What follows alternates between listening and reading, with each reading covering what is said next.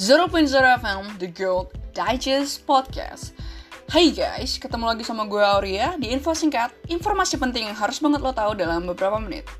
Kalian bisa dengerin podcast ini di www.anchor.fm slash the podcast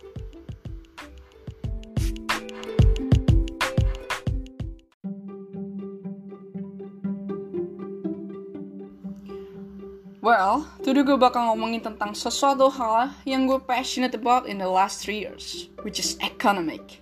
Yes, economic. Selama tiga tahun ini, gue belajar A to Z all about universal economic macro that happen in the world. I love to see things that something small but it's actually have incredible impact. For example, economic news. Udah denger belum tentang Donald Trump nge-tweet tentang dia positif COVID-19? Menurut lo itu penting gak sih? For me, economically speaking, it is really important. Lo pernah kepikiran gak bahwa satu news aja bisa significantly moving the market? Gak cuma itu aja, basically every single news yang dikeluarkan oleh the Fed, Federal Reserve, Central banks and other economic reports such as NFP, CPI, unemployment rate, inflation rate, employment cost index, etc., etc., semua itu moving the market significantly. I do love getting deep into the subject, especially trading the forex market, trading the stock market, talking combo but between trading and investment in general. Itu semua akan gue bahas dalam podcast gue kali ini. This is 0.0 FM, the Gold Digest Podcast, so sit back, relax, and enjoy the show.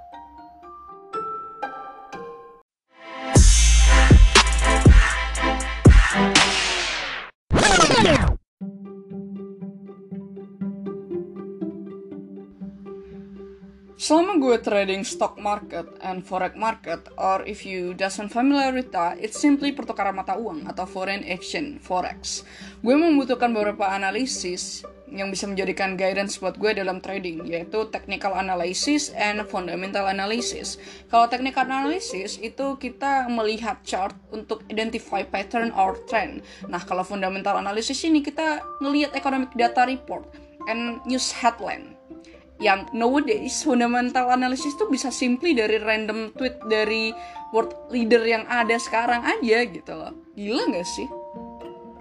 Pernah kepikiran nggak bahwa suatu tweet bisa bikin euro USD naik di chart Suatu tweet bisa mengundang kekhawatiran investor yang berujung pada investor nggak percaya nih dengan US economic sehingga US dollar melemah dan euro menguat. In another hand, kalau USD weaken, investor and trader bahkan mengamankan asetnya ke instrumen yang dipercaya lebih relatif secure, which is gold. And something big happened in this year, yaitu COVID-19. Wow, gila banget kalau lo lihat di forex atau stock market chart, everything is a mess, super fluctuative and unpredictable. Well, back to the topic. Fundamental analysis adalah way of looking, cara memandang pasar forex dengan analyzing economic, social, and political forces yang bisa mempengaruhi harga mata uang. If you think about it, this is make a whole lot of sense. Just like your economic 101 class, it is supply and demand determine prices. Or in my case, the currency exchange rate atau nilai tukar mata uang. Bagian susahnya itu adalah nge-analisis faktor-faktor apa yang mempengaruhi supply and demand tersebut. In another words, you have to look different factor to determine whose economy is rocking and whose economy that sucks.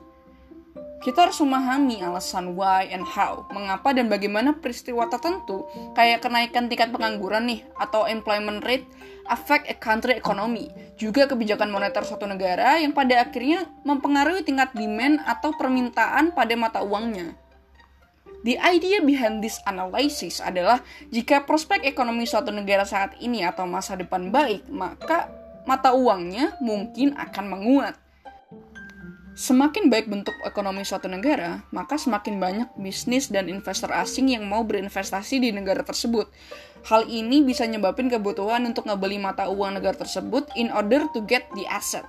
Misal nih, US 30 lagi bagus banget nih, atau simple-simple aja nih, kayak saham Apple lagi naik nih, lagi bagus. Nah, Apple tuh base-nya di mana? Di US.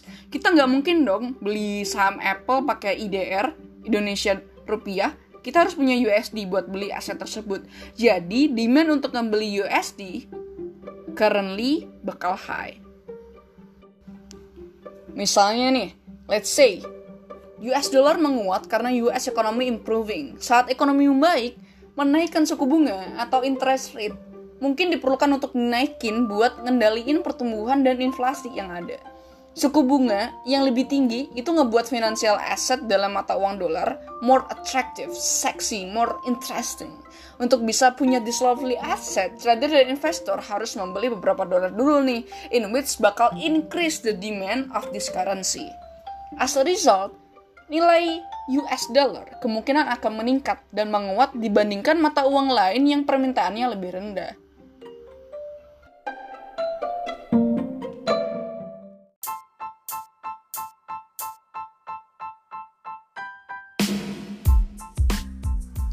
Kapan-kapan next time later on in the next podcast maybe I will explain more about data ekonomi mana yang cenderung ngedorong harga mata uang and why they do so.